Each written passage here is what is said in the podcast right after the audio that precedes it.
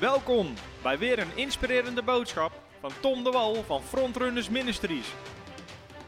We bidden dat je via deze aflevering geïnspireerd wordt in je leven met God en opgebouwd wordt in je geloof. En we zijn bezig met de serie Healed over genezing. En vandaag wil ik kijken naar Gods woord gebruiken in je leven als medicijn. Dus hoe kunnen we het woord van God, hoe kunnen we de Bijbel gaan gebruiken als medicijn om onze genezing te ontvangen? En we krijgen enorm veel getuigenissen uh, binnen van mensen die door deze uitzending genezen. Dus vlak voordat ik naar Burundi vloog, sprak ik nog iemand die genezen was door deze uitzending. Uh, Arjan vertelde me vandaag nog dat hij uh, genezen was door de laatste uitzending. dus we krijgen enorm veel getuigenissen binnen van mensen die een wonder ontvangen door deze uitzendingen. Ze staan allemaal op YouTube, op Spotify. Dus deel ze zoveel mogelijk mensen. want we willen gewoon dat deze uitzending mensen gaat bereiken. Oké, laten we gaan naar Gods woord als medicijn. De Bijbel zegt in Spreuken 4, vers 20. Dus als je Bijbel mee hebt, uh, Spreuken hoofdstuk 4. En dan gaan we lezen vanaf vers 20.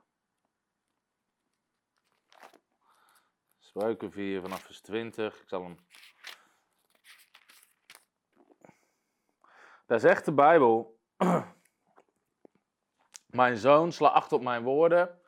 Neig je oor tot wat ik zeg. Laat ze niet wijken van je ogen en bewaar ze in het binnenste van je hart.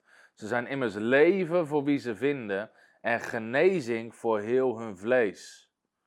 En bescherm je hart boven alles wat te boede is, want daaruit zijn de uitingen van het leven. Dus de Bijbel zegt hier dat we acht moeten slaan op het woord van God, onze oren moeten neigen naar wat God zegt, het niet moeten laten wijken van onze ogen, bewaren het binnen van ons hart. En dan zegt de Bijbel, ze zijn genezing voor heel hun vlees. Nou, het woord genezing wat daar staat, is in het Hebreeuws het woord medicijn. Dus de MBV-vertaling vertaalt hem ook als volgt. Die zegt, ze zijn leven voor wie ze ervaren en ze sterken het hele lichaam als een medicijn. Dus het woord van God is een medicijn voor ons, zegt de Bijbel. Het zal een lichaam genezen alsof het een medicijn is. Dus Gods woord is Gods medicijn om genezing te ontvangen. En dus voordat ik verder het woord van God ga delen, wil ik kort bidden. En dan gaan we erop in. Hoe kunnen we dit nou ontvangen? Vader, dank u wel voor uw woord. Heer, ik bid dat terwijl we het spreken, dat mensen gezegend worden, openbaring ontvangen. Heer, dat u deze uitzending zalft, Heer, dat het veel mensen zal bereiken. Heer, dat de woorden doordringen tot in de hart, Heer. Dat mensen openbaring ontvangen, hoe ze uw woord kunnen gebruiken om genezing te ontvangen. In Jezus' naam. Dus de Bijbel zegt, het woord van God is een medicijn. Nou, hoe kunnen we dit medicijn gaan gebruiken dat het gaat werken? Psalm 107, vers 20 zegt: God zond zijn woord en hij genas hen. God zond zijn woord en hij genas hen. Dus als God mensen wil genezen, is een van de manieren waarop hij dat doet, is door zijn woord te sturen naar mensen. En het woord van God is de Bijbel. En um, Derek Prins, bekende Bijbelleraar Derek Prins, door velen gerespecteerd, lag meer dan een jaar lang in het ziekenhuis toen hij nog niks wist eigenlijk over het onderwerp genezing. En vanuit zijn uh, filosofische en theologische achtergrond vond hij het zelfs moeilijk om geloof te hebben voor genezing. Dat genezing voor zijn lichaam was en niet alleen voor zijn ziel. En uh, tot hij op een dag bij deze tekst kwam. Dat Gods woord is een medicijn voor een hele lichaam. Spreuken 4, vers 20 tot 22. En die tekst, Gods woord is een medicijn voor een hele lichaam, zorgde bij hem voor twee dingen. Ten eerste dat hij besefte, wacht eens, genezing is voor mijn fysieke lichaam. Het is niet alleen voor mijn ziel, het is niet alleen voor mijn zonde, het is ook voor mijn fysieke lichaam. Want wij zeggen, Gods woord is een medicijn voor een hele vlees, voor een hele lichaam. En er zijn nog steeds heel veel christenen die zeggen, ja, genezing is vooral geestelijk. God wil je wonden genezen en je, en je ziel. En God wil dat doen, maar ook je fysieke lichaam. Um, dus dat zorgt hem ten eerste voor geloof dat God ook fysiek wil genezen. Daarnaast, um, hij lag al een jaar in het ziekenhuis, Dirk Prins, op dit moment. En hij dacht, weet je, ik ga het woord van God gebruiken zoals ik een echt medicijn zou gebruiken. Want de Bijbel zegt, Gods woord is een medicijn. En hij lag er in het ziekenhuis, dus hij kreeg iedere dag, meerdere keren per dag, kreeg hij medicijnen. En hij besloot toen, als God zegt dat zijn woord is als een medicijn wat mijn hele lichaam zal genezen, dan ga ik het gebruiken als een, als een medicijn. Dus iedere keer als hij natuurlijke medicijnen kreeg, ging hij naar het woord van God. Ging hij teksten opzoeken over genezing. Ging hij zich tot zich nemen, net zoals hij een natuurlijk medicijn zou doen. En binnen no time was hij totaal genezen uit het ziekenhuis. Hij lag er al een jaar in. Maar toen hij Gods woord ging gebruiken als medicijn, ontving hij zijn genezing. Jij kan jouw genezing ontvangen als jij het woord van God gaat toepassen en gebruiken als een medicijn. En ik denk dat we als christenen weer mogen leren hoe het werkt. Je moet er eens over nadenken. Als mensen ziek zijn en ze liggen op bed of wat er ook aan de hand is. En Jezus zou binnenkomen lopen en die zou tegen ze zeggen: ehm, Ik heb een medicijn voor je. Zou je het gebruiken? Weet de meeste mensen zouden het uit zijn handen grissen en gebruiken. Als Jezus een doos pillen had, of Jezus had een spuit, of weet ik veel wat. Als Jezus zou zeggen, hier is een medicijn wat altijd werkt. Mensen zouden het meteen pakken en tot zich nemen. Terwijl de Bijbel zegt, dit is het medicijn wat God gebruikt. Gods woord is het medicijn voor een lichaam. Dus Jezus heeft een medicijn. Wat voor al, weet je, dat is het goede nieuws. Jezus heeft maar één medicijn voor alle ziektes. Waarom? De Bijbel zegt in Psalm 103: Prijs de Heer, o mijn ziel, die al mijn zonden vergeeft en al mijn ziekte geneest. Jezus heeft niet aan 15 verschillende kruisen hoeven hangen om met 15 soorten zonden af te rekenen. Weet je, er is, er is gewoon één oplossing bij Jezus. Jezus wil alle ziekten genezen en hij heeft maar één medicijn. In het natuurlijke, als je naar de dokter gaat, als je iets hebt, dan vraagt hij altijd, wat heb je? Al heb je ziekte A, dan krijg je medicijn A, ziekte B, medicijn B. Voor iedere ziekte hebben ze een ander medicijn. God heeft hetzelfde medicijn voor iedere ziekte, iedere kwaal en alle ellende. En dat is zijn woord. Uh, dus dat is het goede nieuws aan het medicijn wat Jezus geeft. Hij geeft hetzelfde medicijn aan iemand met kanker, als iemand die blind is, als iemand die doof is, als iemand die last heeft van zijn darmen, last heeft van zijn maag, die hartkwalen heeft, die suikerziekte heeft. Het is hetzelfde medicijn. En het goede nieuws is, het werkt altijd. Want als Jezus voor je neus staat en zegt: Dit is je medicijn. Weet je, Jezus geeft alleen maar medicijnen die werken. Hij heeft geen medicijnen die het niet doen. Hij heeft geen placebo-effect medicijnen. Weet je, soms eh, in, in het ziekenhuis zitten nog in een medisch testtraject en dan moeten ze eerst testen of dit werkt. Dit woord van God is beproefd en het werkt. Dus Jezus heeft hetzelfde medicijn voor iedereen. En ander goed nieuws is, het heeft geen bijwerkingen. Dus in, natuurlijk hebben allerlei medicijnen bijwerkingen. De dokter zegt, als je dit neemt, dan kom je hier vanaf, maar hier krijg je last van. Dus help je van het ene af en aan het andere helpen ze je. Het woord van God heeft geen negatieve bijwerkingen. Alleen maar positieve. Hoe meer je het neemt, hoe blijer je wordt, hoe beter je je voelt. Uh, dus het heeft alleen maar goede bijwerkingen. Het werkt altijd, heeft geen bijwerkingen. En je kan ook geen overdoses nemen. Dus dat is ook goed nieuws voor heel veel mensen. Van sommige medicijnen kan je overdoses nemen, maar niet van het woord van God. Dus het heeft geen bevelende bijwerkingen. Nou, als de Bijbel zegt dat dit woord van God een medicijn is, dan moeten we wel eens begrijpen. God zegt: Dit is mijn medicijn, het werkt altijd. Maar een medicijn werkt alleen maar als je het gebruikt zoals God voorschrijft. Een medicijn, net zoals de dokter. Als je naar de dokter gaat, omdat weet ik veel. Zeg, laten we zeggen, je hebt last van je maag en je gaat naar de dokter. En de dokter zal zeggen: hier is een medicijn, je moet het drie keer per dag innemen, twee weken lang, dan ben je er vanaf. Als je daarna teruggaat naar de dokter en zegt, ik ben er niet vanaf. En de dokter vraagt, joh, heb je medicijn gebruikt? Zegt, nee, nee, nee, die ligt nog in het kastje. Weet je, dan zal de dokter je gewoon terugsturen en zeggen, ga het medicijn gebruiken zoals ik het zeg. Hetzelfde als de dokter zegt, joh, dit medicijn moet je dus drie, uh, drie keer per dag, zeven dagen in de week innemen. Dus 21 pillen in de week. Als jij zegt, nou, dat vind ik veel te veel werk. Weet je wat ik doe? Ik neem ze alle 21. Op de eerste dag, dan ben ik er vanaf. Weet je, gaat het niet werken. En hetzelfde is met het woord van God. Dus Gods woord werkt alleen als we het gebruiken zoals Hij zegt. En als het gaat om genezing, dan zie je dat heel veel mensen niet doen wat God zegt en vervolgens God daar wel de schuld van geven. Maar God staat niet achter jouw woord. God staat achter zijn woord. God staat achter wat Hij zegt, niet wat jij verzint. Dus als het gaat om genezing, hoor je allerlei mensen dingen zeggen ehm, die niet in lijn zijn met het woord van God, maar wel gebruiken als excuus om iets bij God neer te leggen. Dus heel vaak hoor je als iemand ziek is, zegt iemand, ja, twintig mensen hebben voor me gebeden, maar ik ben niet genezen. Bijvoorbeeld. Nou, dit is Gods medicijn. Dus wat zegt het woord van God? Jezus zegt nergens, als twintig mensen voor je bidden, dan zal je genezen. Weet je, er is geen één verhaal dat iemand naar Jezus toe komt en Jezus denkt, oh wacht eens eventjes, dit, dit lukt niet. Hup, de twaalf discipelen erbij met z'n dertienen. Nee, nog niet genoeg. Nog zeven mensen uit de menigte. Hé, hey, nou zijn we met twintig plus, nu zal God een wonder doen.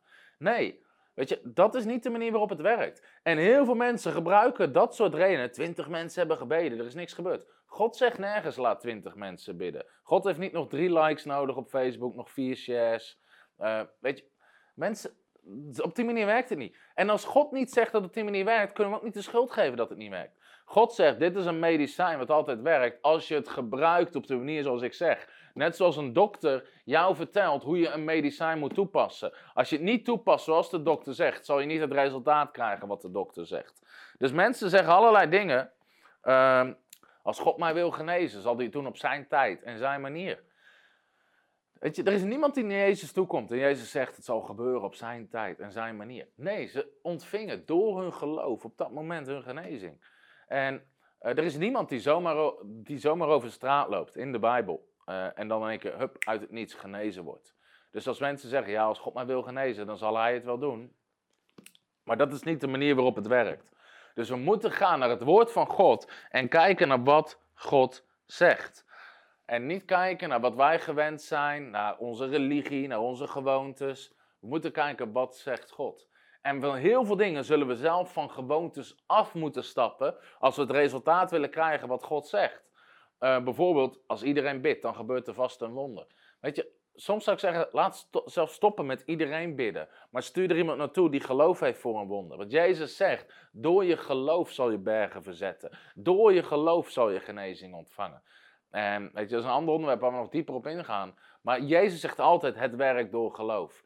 Dus op een gegeven moment, Matthäus hoofdstuk 17, de discipelen proberen iemand te genezen, lukt niet. Ze zeggen, Heer, hoe kwam het? Jezus zegt, hij zegt, hij zegt door jullie ongeloof. En Jezus komt die wel geloof had en hij genas wel. Dus in plaats van twintig mensen te laten bidden zonder geloof, stuur er één iemand heen die wel geloof heeft. Sowieso, stop uh, überhaupt met mensen laten bidden op afstand. Sommige hele kerken als er iemand ziek is in de kerk, zijn ze met de hele kerk aan het bidden op afstand voor genezing. Terwijl God zegt, leg handen op zieken, zalf ze met olie en dan zullen ze genezen. Dus we doen het niet op Gods manier en vervolgens krijgen we niet Gods resultaat, maar daar geven we wel God de schuld van. Jezus zegt in Marcus hoofdstuk 7 vers 13, je maakt het woord van God krachteloos door menselijke tradities en overlevingen. overleveringen. Dus heel vaak gaan dingen van generatie op generatie zo. We zijn er nou eenmaal zo gewend. Weet je, sommige kerken zijn ze met z'n allen aan het bidden voor iemand die ziek is. En dan vraag je, is er al iemand naartoe gegaan om handen op te leggen, die ziekte te bestraffen in Jezus' naam? Nee, nee, dat zijn wij niet zo gewend. We doen het liever zo.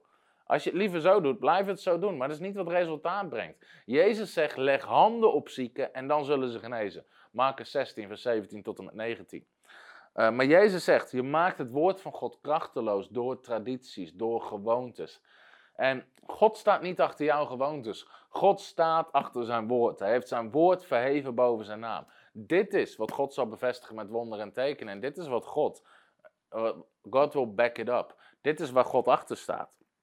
En um, de Bijbel zegt um, in um, Marcus 16, en die tekst wil ik even met je lezen. Marcus hoofdstuk 16, dat is een bekende tekst waar Jezus zegt: De gelovigen zullen handen leggen op zieken en ze zullen genezen. Maar er staat nog iets achter. Marcus 16. Dan staat er, vers 17: En de gelovigen zullen te herkennen zijn aan deze tekenen. In mijn naam zullen ze demonen uitdrijven, in tongentaal zullen ze spreken, slangen zullen ze oppakken en als ze iets dodelijks drinken zal het niks schaden. Op zieken zullen ze handen leggen en ze zullen genezen worden. De Heere dan is nadat hij tot hen gesproken had, opgenomen in de hemel en heeft zich gezet aan de rechterhand van God. Maar zij, de apostelen, de discipelen, gingen overal heen om te prediken. En de Heer werkte mee, en, en er staat er, en bevestigde het woord door de tekenen die erop volgen. Hij bevestigde het woord. Kan je die camera boven mij doen, Lambert? Doet het nog? Of ik dat ik dit in beeld krijg. Oké, ik hoop dat dit zo kan lezen. Dus de Bijbel zegt hier, hij bevestigde het woord. Wat bevestigt God? God bevestigt zijn woord. God staat achter zijn woord. Als jij gaat staan voor het woord van God, gaat Gods woord staan voor jou. En dan zegt hij wel, hij zal zijn woord bevestigen met wonderen en tekenen. Dat is wat God bevestigt. Niet onze gewoontes, niet onze denkpatronen. Hij bevestigt zijn woord. Daarom moeten we ons denken vernieuwen, zodat we gaan denken zoals het woord van God zegt. En uh, dus zelfs, soms, soms daag ik zelfs kerken uit. Want weet je wat we vaak gewend zijn in de kerk? Als we een dienst hebben of als we, als we een genezingsdienst hebben, dan zeggen we, weet je, iedereen die ziek is, kom naar voren, we gaan voor je bidden. Weet je, ik snap wat ze bedoelen, de intentie is goed. Maar Jezus zegt nergens, bid voor de zieken. Jezus zegt het niet. Hij zegt Matthäus 10, vers 8, genees de zieken. Keer op keer op keer, zegt de Bijbel, Matthäus 10, vers 1. Hij gaf hun autoriteit en kracht om alle zieken en alle zieken te genezen van elke kwaal. Dus hij gaf ze autoriteit over ziekte. Jezus bad nooit voor een zieke. En dit is even ons denken vernieuwen. Er is niemand die naar Jezus toekomt. Er is geen blinde man die naar Jezus toekomt en Jezus handen oplegt en zegt: Vader God, we bidden voor deze blinde man. Vader God, u weet wat er aan de hand is. Vader God. Sowieso, sommige mensen denken dat God vergeet wie die is, dus ze moeten om de zin Vader God zeggen. Weet je, Vader God, we bidden voor deze blinde man. Vader God, u weet dat hij heel zijn leven lang niet kan zien, Vader God. Maar we bidden, Vader God, op dit moment, Vader God, dat u, Vader God, Heere, Vader God, in Jezus' naam, Vader God, hem weer laat zien, Vader God. Is er iets veranderd? Nee, oh jammer. Jezus zegt niet bid voor zieken. Jezus zegt genezen. Hoe ging Jezus om met een blinde? Hij zei, word ziende. Weet je, hij genassen. Hij gebruikt zijn kracht, zijn autoriteit om te genezen. En Jezus zegt tegen zijn kerk, genees zieken. Marcus 16, vers 17. Leg handen op zieken en ze zullen genezen. Hij zegt niet eens iets over gebed. Dus om je denken te vernieuwen, in een kerkdienst zeggen we vaak, weet je, laat de zieken naar voren komen, we gaan voor ze bidden en dan kijken we wat er gebeurt en dan kijken we wat de Heer gaat doen. Nou, Jezus wist al lang wat God ging doen. Want Jezus had een openbaring van de Vader die altijd wil genezen. Dus en heel vaak lezen we dat iemand vraagt: Heer, kom mee naar mijn huis, want mijn knecht of mijn dochter ligt ziek. Jezus zegt altijd: Ik zal komen en hem genezen. Jezus zegt nergens: Weet je, ik ga mee en dan kijken we wat de Heer doet. Jezus wist het al. Dat is geloof. Geloof weet zeker van tevoren wat er gaat gebeuren. Dus God bevestigt zijn woord. Dus we moeten grotere stappen in geloof gaan zetten. Dat daagt ons geloof ook uit. Als we op zondag niet langer zeggen, weet je, laat de zieken naar voren komen, we gaan voor ze bidden. Maar als we durven te zeggen, laat de zieken naar voren komen, we gaan ze genezen. Hey, dat zorgt even voor een hele andere mentaliteit in de kerk. Laat de zieken naar voren komen, we gaan ze genezen. Maar dat is wat Jezus zegt. Genees zieken, Matthäus 10 vers 8. In Lucas 10 zegt hij zelfs, ik zal dit voorlezen, Lucas hoofdstuk 10. Weet je, ik weet dat dit denken vernieuwen is voor veel mensen, maar ik geloof dat dat is wat nodig is als we hier meer resultaten in willen zien. In Lucas hoofdstuk 10, daar zegt Jezus, welke stad u ook maar binnengaat, vers 8. En dan vers 9, genees de zieken die daar zijn en zeg tegen hen, het koninkrijk van God is bij u gekomen. Welke stad je ook maar binnengaat, Jezus zegt genees de zieken. Hij zegt niet bid voor de zieken, hij zegt genees ze. Weet je, we mogen ons denken erin gaan vernieuwen. Wij hebben de kracht en autoriteit om zieken te genezen volgens Jezus. En Jezus staat achter zijn woord. En dit is nog zo'n tekst die ons denken zal vernieuwen. Um, Handelingen 9, vers 34. Tamara zegt dat zijn wel hele kleine letters. Dat klopt, Tamara. Mijn, mijn, mijn eigen Bijbel zit nog in mijn koffer. dus ik heb hier snel een Bijbel uit de kast gepakt. Maar mijn eigen Bijbel met grotere letters ligt nog thuis in mijn koffer uit Afrika. Um, Handelingen 9, vers 34. Dus ik hoop dat je me wil vergeven. Handelingen 9, vers 34. Weet je, hier zien we de kerk van Handelingen, wat een voorbeeld is voor ons, omging met genezing. En het gebeurde dat Petrus, toen hij overal rondreisde, ook bij de gelovigen kwam die in Lydda woonden.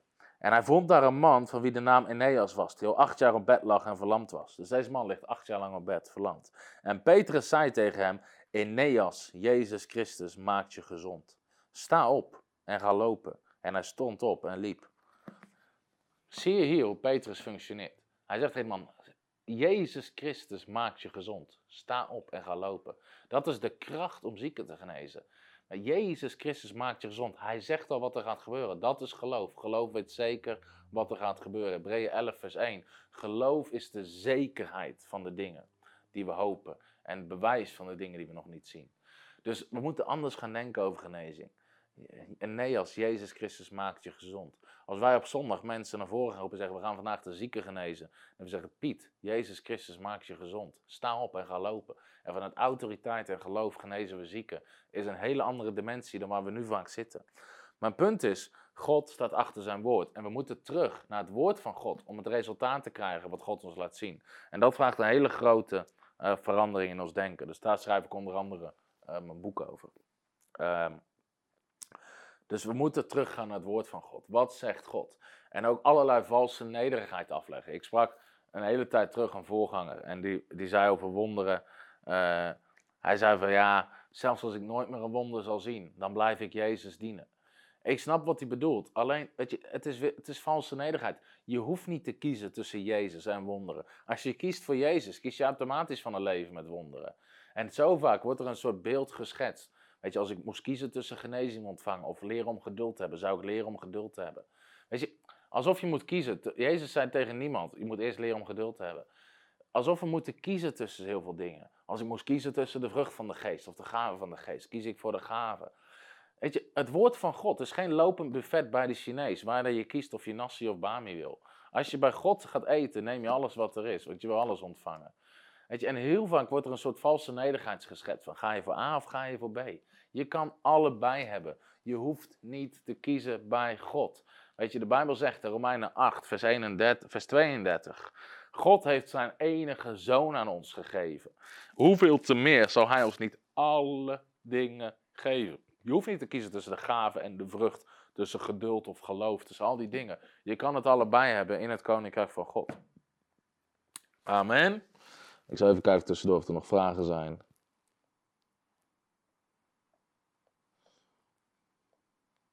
Als je vragen hebt tussendoor, stel ze maar. Ik ga proberen aan het eind te beantwoorden. Dus God zegt in Spreuken 4: Dit woord van dit, mijn woord, is een medicijn. Is een medicijn. Dus we moeten het gaan gebruiken zoals God zegt dat je het moet gaan gebruiken. Nou, laat me vertellen Dirk Prins' getuigenis en, en wat de Bijbel zegt, hoe hij het is gaan gebruiken. En ik zal een paar voorbeelden geven om genezing te ontvangen. Dus ik ga nog een keer de tekst lezen. Spreuken 4, vers 20 tot en met 22. Mijn zoon, sla acht op mijn woorden, neig je oor tot wat ik zeg. Laat ze niet wijken van je ogen, bewaar ze in het binnenste van je hart. Want ze zijn immers leven voor wie ze vinden en een medicijn voor hun hele lichaam. Ze zijn een medicijn voor hun hele lichaam. Dus hoe Derek Prins hier tegenaan keek, hij zei, wacht eens, Gods woord zegt dat zijn woord een medicijn is voor mijn hele lichaam. Maar ik moet het gaan gebruiken zoals hij het zegt. Dus hij zegt, weet je, in die, net zoals een ander medicijn, heeft altijd voorwaardes. Als je het zoveel per dag inneemt, dan zal het werken. Hij zegt, wacht, ik moet gaan voldoen aan Gods voorwaardes. Dus wanneer gaat dit medicijn werken? Niet als het naast je ligt, eh, naast je bed ligt, maar je het nooit opent en er niks mee doet. Eh, weet je, we moeten het gaan gebruiken op Gods manier. Dus hoe zegt God dat we zijn woord moeten gebruiken? En Derek Prins noemt het Gods medicijnfles. Wat zijn, wat zijn zijn voorwaarden? Ten eerste zegt de Bijbel, mijn zoon, sla acht op mijn woord. Sla acht op mijn woord. Dus voordat God zegt, mijn, mijn woord is een medicijn, zegt hij, je moet er eerst acht op slaan. Je moet het eerst aandacht gaan geven. Dus daarom zeg ik heel vaak, ik spreek heel vaak mensen, die zijn ziek. En dan, ehm, dan, dan, dan, zeggen ze, ja, ik heb gebeden, er is niks gebeurd. Dan zeg ik, hey, heb je het woord van God gelezen? Heb je erop gemediteerd? Heb je geloof gebouwd? Nee, nee, nee, dat niet. Weet je, maar de Bijbel zegt, sla acht op mijn woord. Dat is de eerste voorwaarde voordat God zegt, mijn woord is een medicijn. Dus je moet eerst aandacht gaan geven aan het woord. En Dirk Prins besloot in het ziekenhuis, de dokters proberen me al een jaar te genezen, dat lukt ze niet. Weet je, ik ga aandacht geven aan Gods woord. Dus voordat je probeert je genezing te ontvangen, kan het wijs zijn om gewoon aandacht te geven aan Gods woord. Ga die teksten opzoeken. Exodus 15, vers 26, de Heere is mijn heelmeester. Exodus 23, vers 22, God zal alle ziekten van mij vrijwaren. Jezaja 53, door zijn striemen ben ik genezen. Matthäus 4, vers 24, hij genas alle ziekten. Matthäus 10, vers 1, hij gaf zijn autoriteit en kracht over alle ziekten. Weet je, al die teksten kunnen in je geest zitten. 3 Johannes 1, vers 2. Geliefd, ik bid boven alles dat u goed gaat, dat u gezond bent. Weet je, mediteer erop, mediteer erop. Geef eerst aandacht aan Gods woord, voordat je probeert te ontvangen wat het woord van God zegt. Dus dat is heel vaak stap 1. Begin aandacht te vragen, uh, begin aandacht te geven aan het woord van God. Dat is stap 1. Sla acht op Gods woord. En weet je, ik, ik had, kwam een keer in een situatie terecht dat, uh, dat ik... Uh, dat het slecht met me ging. Zelfs zo slecht dat, dat mensen me naar het ziekenhuis wilden brengen. Maar ik weigerde. Ik zei nee, ik wil, eerst, ik wil eerst naar mijn kamer. Ik wil God zoeken. Ik wil eerst aandacht geven aan het woord van God. En Eh, terwijl iedereen me naar het ziekenhuis opbrengt en zei, joh, dat is stom, dat is stom, dat moet je niet doen, je moet nu naar het ziekenhuis. Ik zei, nee, ik wil, ik wil eerst met God zijn. Ik ga eerst God aandacht geven, ik ga eerst God zoeken, voordat ik de hulp van mensen zoek. En binnen een half uur was ik totaal genezen. Alleen, weet je, ik moest eerst aandacht geven aan Gods woord. Ik kan niet zeggen, oh, het werkte niet. Heb je wel gedaan wat God zegt? Sla acht op mijn woord. Geef acht op het woord van God. Dan zegt het, sla acht op mijn woorden. Neig je oor tot wat ik zeg. Neig je oor tot wat ik zeg. Dus begin te luisteren naar wat God zegt. Dus stap 1 is, weet je, geef aandacht en ga luisteren. Nou, luisteren is iets anders dan horen. Horen, wat, horen is dat je, je hoort het geluid. Maar luisteren betekent dat je begint te doen. Dus je moet het ook gaan doen. En uh, bijvoorbeeld toen, in die situatie bij mij, ik, weet je, ik had het dat God zei, ga me gewoon danken, ga me lofprijzen. Dus ondanks al mijn pijn ging ik staan, kreupel van de pijn. Ik begon God te prijzen en te prijzen en te prijzen. Net zolang tot alle pijn mijn lichaam had, verlaten. Alleen we moeten luisteren naar wat God zegt. En luisteren naar wat zijn woord zegt. En je, ik hoorde getuigenis, dat schrijf ik ook op in mijn boek. Um, ik, ik ben niet iemand die heel erg gelooft in allerlei blokkades voor genezing. Uh, maar er zijn dingen waarvan het woord van God zegt dat we het weg moeten doen uit ons leven.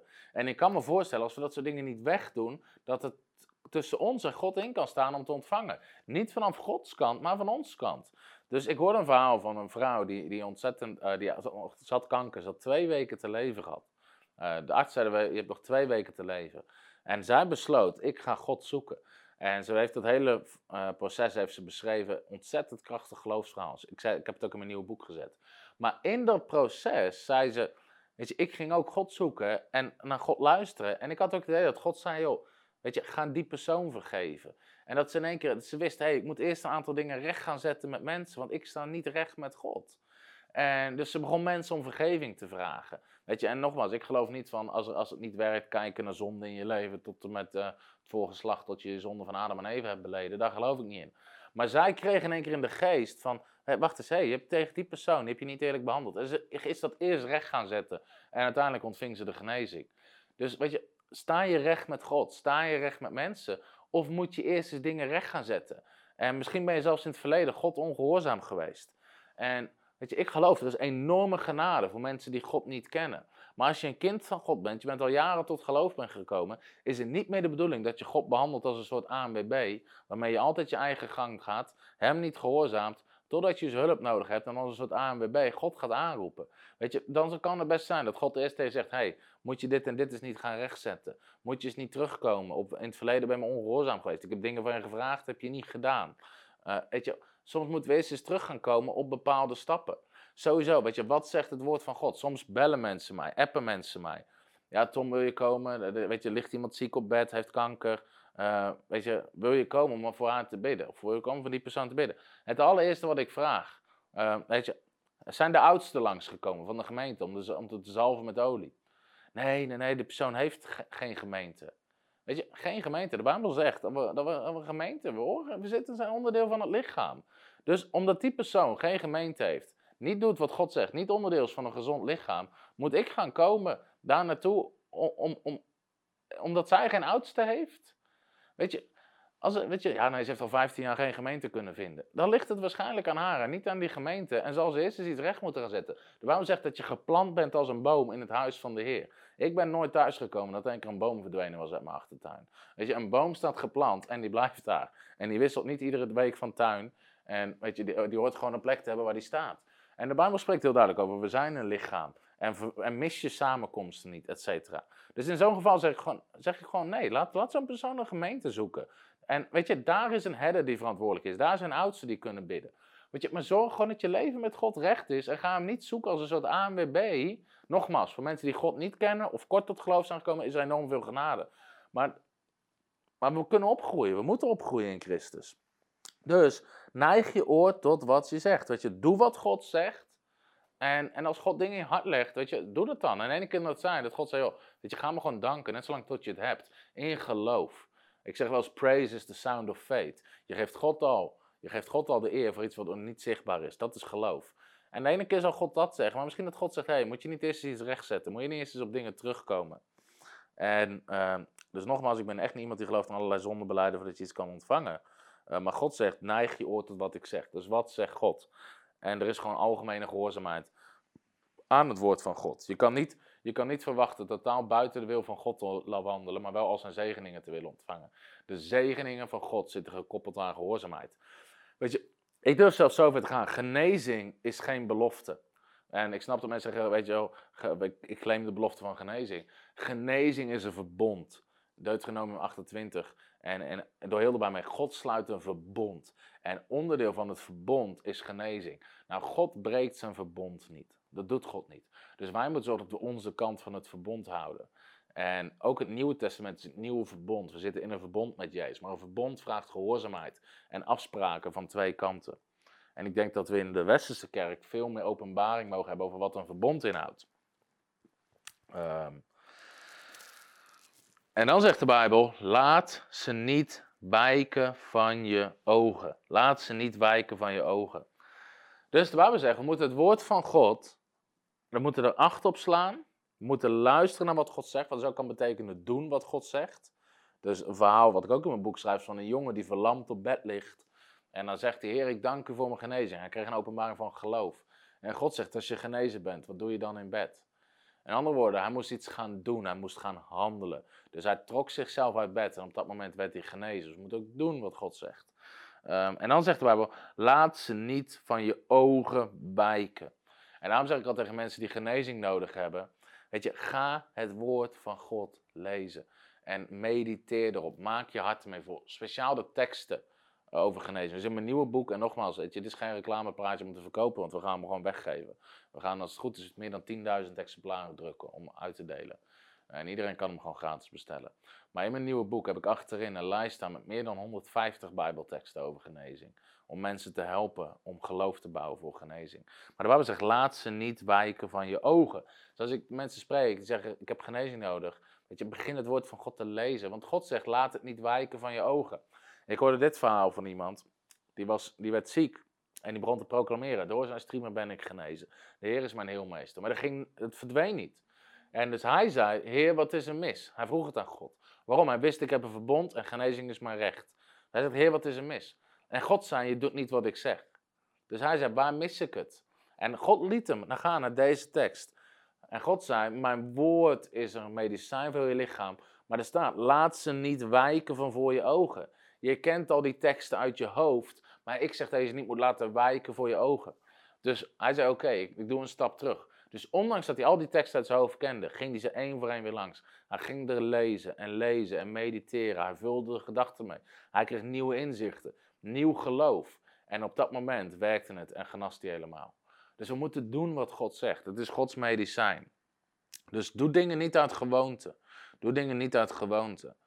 En dan zegt de Bijbel, bewaar ze in het binnenste van je hart. Dus vervolgens moet, moet je ze bewaren. Het volgende vers in Spreuken 4, kijk dat ik nog bij de hand Spreuken 4, zegt, want, waarom moet je ze bewaren? Want uit het hart zijn de uitingen van het leven. Wat in je hart zit, zal uiteindelijk uiting krijgen in je leven. Zal uiteindelijk zichtbaar worden in je leven. Dus je moet het woord van God bewaren in je hart. Waarom is dat belangrijk? Zeker als je ziek bent en genezing nodig hebt. Omdat niet alleen God iets tegen je zegt. Artsen gaan dingen tegen je zeggen. Mensen gaan dingen tegen je zeggen. Dus de arts zei tegen die ene vrouw: Je hebt nog twee weken te leven. Maar ze wist: Ik moet het woord van God bewaren in mijn hart. Dus ze bleef zeggen: Nee, God zegt in Psalm 91 dat ik een lang leven wil hebben. En in plaats van te bewaren wat de arts zegt, heel veel mensen doen dat. Ze bewaren wat artsen zeggen. De arts heeft dit gezegd, de arts heeft dit gezegd, de arts heeft dit gezegd. Als je met ze praat, zegt hoe gaat het? Ja, de arts heeft dit gezegd. Wat zit er in hun hart? Niet Gods woord, maar wat de arts zegt. Dat God zegt, bewaar mijn woord in je hart, want dan is het genezing voor je vlees. Dus als mensen aan haar vroegen, weet je, hoe gaat het? Zei ze, God zegt dat ik een lang leven heb. Boven alles bewaarden ze het in haar hart. En het gaat zelfs zo ver, en ik vertel het hele verhaal in mijn boek. Maar dat ze s'nachts, ze zei, ik voelde de kanker zitten in mijn lichaam. Het was uitgezaaid. En ze zei, het was zulke erge pijn, dat alles in het natuurlijke zegt, je bent hartstikke ziek, je gaat hartstikke dood, je hebt nog een paar dagen.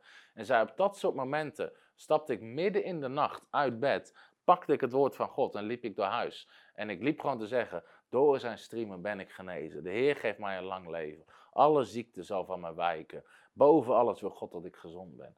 Waarom? Ze wilden zelfs niet die pijn eigenlijk toelaten in haar hart. Maar ze bleven hart vullen met Gods woord en Gods woord en Gods woord. En die vrouw, dat was, uh, was uh, de exacte datum staat in mijn boek.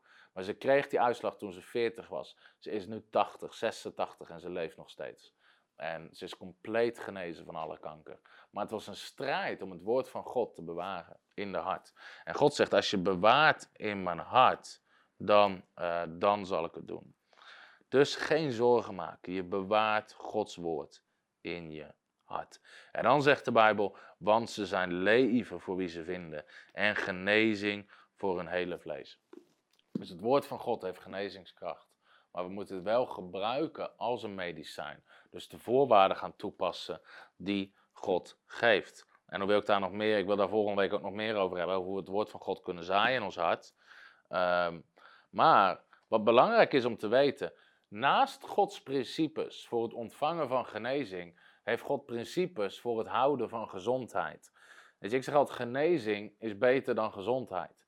Weet je, als je genezen bent, sta in geloof voor bovennatuurlijke gezondheid, bovennatuurlijke kracht, bovennatuurlijke energie. En niet alleen voor genezing, maar sta in geloof om je gezondheid te houden, dat je gewoon gezond bent.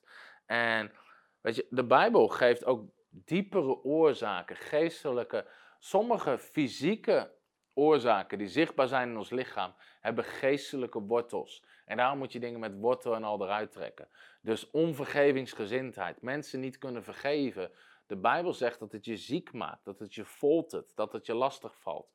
Um, bitterheid, neerslachtigheid, dat soort dingen. Depressie. Het kan letterlijk stress, het heeft letterlijk effecten op je lichaam. Dus sommige mensen hebben last van dingen in hun lichaam, maar het is maar een uiting van de geestelijke, van het emotionele wat erachter zit. En dan kunnen we bidden voor die fysieke dingen, maar je, moet, je, zal, je zal die wortel eruit moeten trekken uit je leven. En dan krijg je gezondheid. Weet je, de Bijbel zegt, geef de duivel geen ruimte. En heel veel dingen, jij zegt, maak je geen zorgen. Sommige mensen maken zich zoveel zorgen, zoveel zorgen, zoveel zorgen.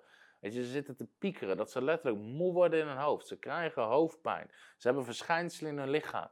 En in diensten, weet je, wordt er gebeden voor dat soort uitingen. Terwijl die mensen moeten gewoon stoppen. Ze moeten kappen met zich zorgen te maken. Want, want ze halen de wortel niet weg. En, um, weet je, doe bitterheid weg. Vergeef mensen. Kom vrij van depressie. Weet je, wees vrij van al die jukken. Jezus zegt in Lucas 6, vers 37, laat los en u zal losgelaten worden.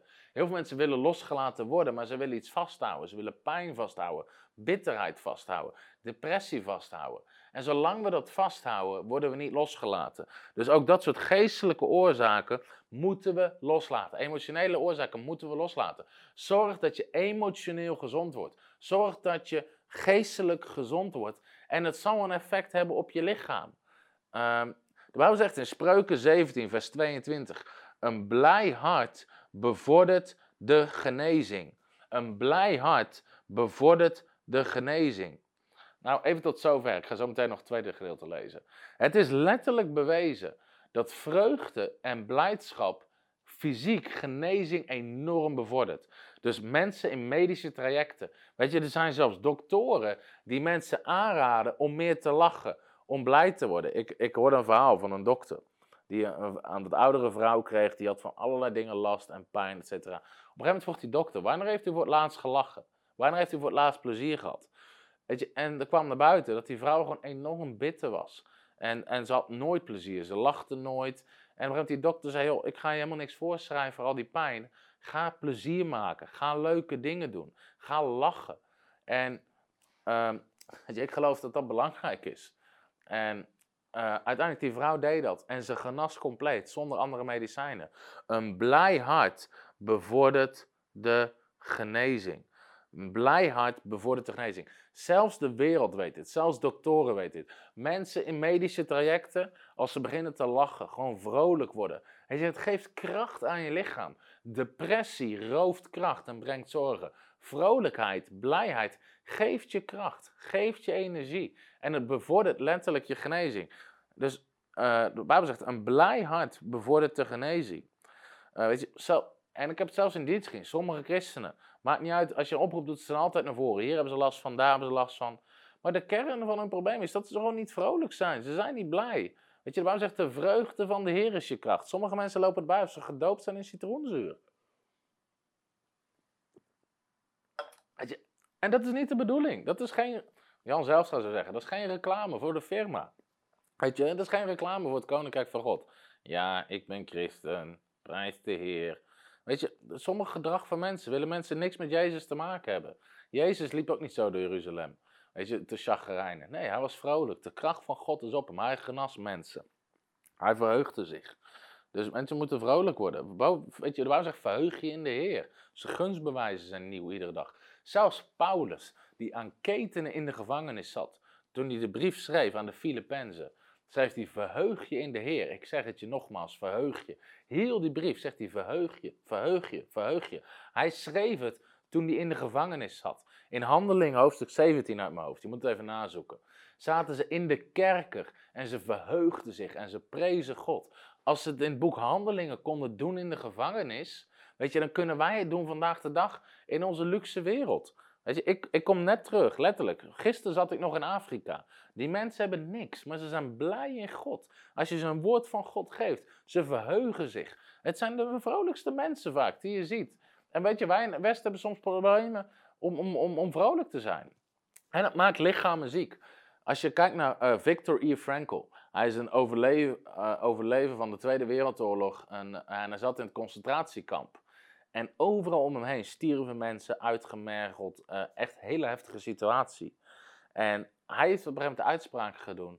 Weet je, wat mensen je ook aandoen, waar je altijd een eigen keuze over hebt, is jouw houding naar de omstandigheden. Dat is een hele bekende uitspraak van hem. Dus midden in een concentratiekamp, waar mensen werden vergast, vermoord, testen werden gedaan, verschrikkelijke dingen. Mensen werden letterlijk uitgemergeld van de honger. Hij zegt, joh, wat ze me ook aandoen, één ding kunnen ze me niet aandoen en dat is mijn houding bepalen. Dus te midden van die ellende bleef hij vrolijk. Niet vanwege de omstandigheden, maar in de omstandigheden. Hij bleef positief. Hij bleef vrolijk. Hij hield zijn hart positief. En hij zegt, hij schrijft letterlijk in zijn boek: de mensen die hun vreugde en hun hoop verloren, die stierven. Die stierven achter elkaar. Want ze waren geestelijk, waren ze eerst neergehaald en daarna lichamelijk. En hem werden dezelfde dingen aangedaan. Maar door zijn houding is hij doorheen gekomen. Hij is een heel groot getuigenis. Uiteindelijk over de kracht van vreugde en je houding bepalen. Um, maar dat laat zien hoe sterk de kracht is van vreugde. Dus ik wil ook gewoon aanmoedigen. Wees vrolijk. Verheug je in God. En dan zegt de Bijbel, maar een neerslachtige geest doet de beenderen verdorren. Dus neerslachtigheid, depressie, het verdort je beenderen. Het zorgt voor pijn in je lichaam. Maar een vrolijk hart, dus doe neerslachtigheid, doe depressie, doe het weg. Laat het niet over je komen. Als je aangevallen wordt mee, begin je te verheugen. Steek je handen in de lucht, begin God te prijzen. Soms zal je er keihard tegenin moeten gaan om het niet over je te laten komen. Maar als we ons erin mee laten sleuren, zal het uiteindelijk zelfs een effect hebben op ons lichaam. Dus dit zijn teksten, los van genezing, hoewel het daar ook over gaat, het bevordert de genezing, maar het gaat over gezondheid, gewoon gezond leven. Spreuken 18, vers 14, dus volgende hoofdstuk. Iemands geestkracht zal hem in zijn ziekte steunen. Maar een neerslachtige geest, wie kan die persoon helpen? Dit is de Bijbel. Iemand zijn geesteskracht zal hem in zijn ziekte steunen. Maar als iemand neerslachtig wordt, wie kan hem nog helpen? Wie kan hem nog opbeuren? Dus zelfs de Bijbel zegt, midden in ziekte, weet je, op het moment dat je neerslachtig wordt, heb je verloren. Maar een vrolijk hart bevordert de genezing. En met deze tekst wil ik afsluiten. En volgende week zal ik, daar, uh, zal ik daarmee verder gaan. Maar de Bijbel zegt dit in 3 Johannes 1, vers 2. Geliefde, ik wens dat het u in alles goed gaat en dat u gezond bent. En dat u gezond bent, zoals het uw ziel goed gaat. Zoals het uw ziel goed gaat. Dus hier zegt de Bijbel, ik bid dat u in alles goed gaat en dat u gezond bent, zoals het je ziel goed gaat. In andere woorden, als het niet goed gaat met je ziel, is de kans dat het goed gaat met je lichaam ontzettend klein. Ik bid dat je gezond bent zoals je ziel gezond. Als je een gezonde ziel hebt, een gezond geestelijk leven, een gezond emotioneel leven, dan zal het automatisch zal dat je fysieke lichaam bevorderen. Zal het je fysieke lichaam bevorderen. Ehm, dus die tekst over gezondheid en gewoon leven in gezondheid. En ik weet dat dit ook te maken met ons denken vernieuwen en anders gaan denken over dingen. Maar het zal mensen wel enorm helpen om gezondheid te ontvangen. En ehm, ik wil volgende week hier nog verder op gaan over hoe kan het woord van God zijn in ons leven, dat het resultaat heeft. Dus ik wil je ook sowieso aanmoedigen om dit volgende week nog te luisteren. Maar dit even over het woord van God als medicijn. Het zal altijd werken als we het toepassen zoals God zegt dat we toe moeten passen. Hallo, Tom de Wol hier en bedankt dat je weer geluisterd hebt naar onze podcast. Ik bid dat het je geloof gebouwd heeft en je bemoedigd bent. Als je niet alleen een luisteraar van onze boodschap wil zijn, maar ook een verspreider daarvan, wil ik je uitnodigen om partner te worden van Frontrunners. Door jouw maandelijkse donatie help je ons om dit evangelie van Jezus Christus en het woord van God over heel de aarde te brengen. Om partner te worden, ga naar www.frontrunnersministries.nl slash partners en word partner. Hartelijk bedankt en tot snel.